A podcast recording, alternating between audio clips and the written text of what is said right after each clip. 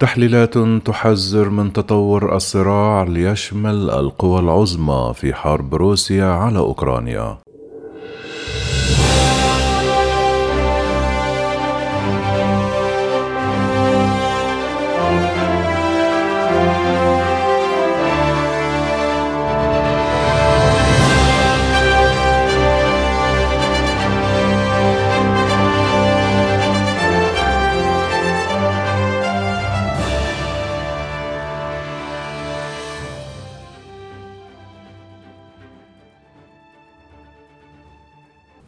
منذ خطاب إعلان الحرب على أوكرانيا والمسؤولون الروس وعلى رأسهم الرئيس الروسي فلاديمير بوتين يشيرون مرارا وتكرارا إلى احتمال الرد النووي في حال تدخلت الولايات المتحدة أو شركائها في حلف شمال الأطلسي في الحرب الدائرة. مؤخرا أشار وزير الخارجية الروسي سيرجي لافروف إلى أن هذا الموضوع قائلا إن حربا عالمية ثالثة ستكون حربا نووية وحث القادة الغربيين على النظر فيما قد تنطوي عليه حرب حقيقية مع روسيا. قال تحليل لموقع Foreign Affairs الأمريكي أن مجرد فكرة العودة إلى الحافة النووية التي كان عليها العالم في الحرب الباردة هو أمر صادم لكثير من المراقبين. وأجلت الولايات المتحدة تجربة صاروخ باليستي في بداية مارس لعدم الدفع بالتوتر إلى الأمام بحسب مسؤولين أمريكيين. يقول الموقع أن التركيز الشديد على التصعيد النووي يحجب مشكلة لا تقل أهمية. خطر التصعيد التقليدي أي حرب غير نووية بين الناتو وروسيا.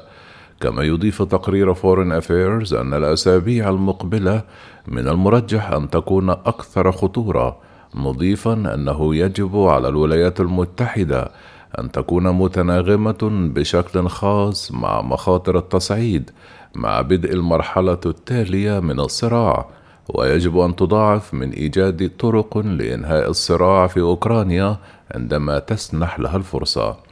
كما أشار الموقع لأنه قد ينطوي ذلك على خيارات صعبة وغير سارة مثل رفع بعض أسوأ العقوبات المفروضة على روسيا مقابل إنهاء الأعمال العدائية ومع ذلك سيكون أكثر فاعلية في تجنب كارثة أسوأ من أي من الخيارات الأخرى المتاحة. كما يقول الموقع أن التجارب العالمية عبر التاريخ بدأت بتصعيد عسكري بسيط في البداية ويضيف أن الولايات المتحدة وروسيا اتخذتا بالفعل خطوات لتعزيز شعورهما بعدم الأمان مما دفع الطرف الآخر إلى أن يفعلوا الشيء نفسه. يستشهد الموقع بتاريخ من التصعيد بين واشنطن وموسكو يعود إلى نهاية الحرب العالمية الثانية ويمتد إلى الحرب الحالية مع أوكرانيا. ويضيف أنه على الرغم من هذا كانت موسكو أكثر وضوحا بالتعبير عن استعدادها للتصعيد من الغرب الذي أكد أنه لن يتدخل بشكل مباشر في الحرب على أوكرانيا. ويقول الموقع أنه بالنظر إلى أن صراعات بالأسلحة التقليدية حدثت بين القوى النووية في أماكن أخرى بما في ذلك الاشتباكات بين الصين والاتحاد السوفيتي في الستينيات وحرب الهند وباكستان في نهاية التسعينيات فإن صراعا غير نووي ممكن الحدوث الآن. كما يحذر الموقع من أن الضرر الاقتصادي في روسيا شديدا إذا أصبح بما فيه الكفاية فقد يقرر بوتين أن الأمر يستحق الانتقام من خلال وسائل غير عسكرية مثل الهجمات الإلكترونية. وقد يقرر أن الأمور سيئة بما فيها الكفاية. لدرجة أن الأمر يستحق التخلي عن عائدات الطاقة وإغلاق بعض خطوط أنابيب الغاز إلى أوروبا. الأمر الذي من شأنه أن يؤدي إلى ارتفاع أسعار الطاقة. يقول أنه من المفترض أن تأمل روسيا في استخدام هذه الخطوات لكسب نفوذ على السياسة الغربية لكنها يمكن أن تأتي بنتائج عكسية بسهولة فالهجمات الإلكترونية يمكن أن تؤدي إلى إجراء مشاورات بموجب المادة الخامسة من المعاهدة التأسيسية لحلف شمال الأطلسي والتي تنص على أن الهجوم ضد دولة عضو واحد سيعتبر هجوما ضدهم جميعا.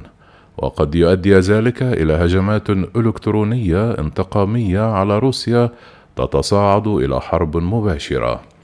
ويضيف أن هناك أيضا خطر العمل المنفرد من قبل الحلفاء الإقليميين.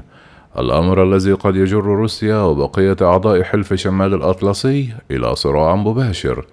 ويضيف أن الدول الأعضاء في الناتو الأقرب إلى روسيا وخاصة بولندا ودول البلطيق الثلاث كانت من بين أكثر المؤيدين المتحمسين والنشطين لتسليح أوكرانيا. ويتساءل الموقع ماذا ستفعل الولايات المتحدة إذا قصفت روسيا معسكرا أوكرانيا أو بعثة إعادة تموين على الأراضي البولندية على سبيل المثال؟ أو ماذا لو قتل عناصر من القوات اللتوانية أثناء تسليم الأسلحة للقوات الأوكرانية؟ يخلص الموقع إلى المخاطر كبيرة للغاية بحيث لا تستطيع الدول المسلحة نوويا اتخاذ قرار بالحرب مع بعضها ومع ذلك فإن دوامات انعدام الأمن لها منطقها الخاص ويجب على واشنطن أن تصغى إلى دروس التاريخ.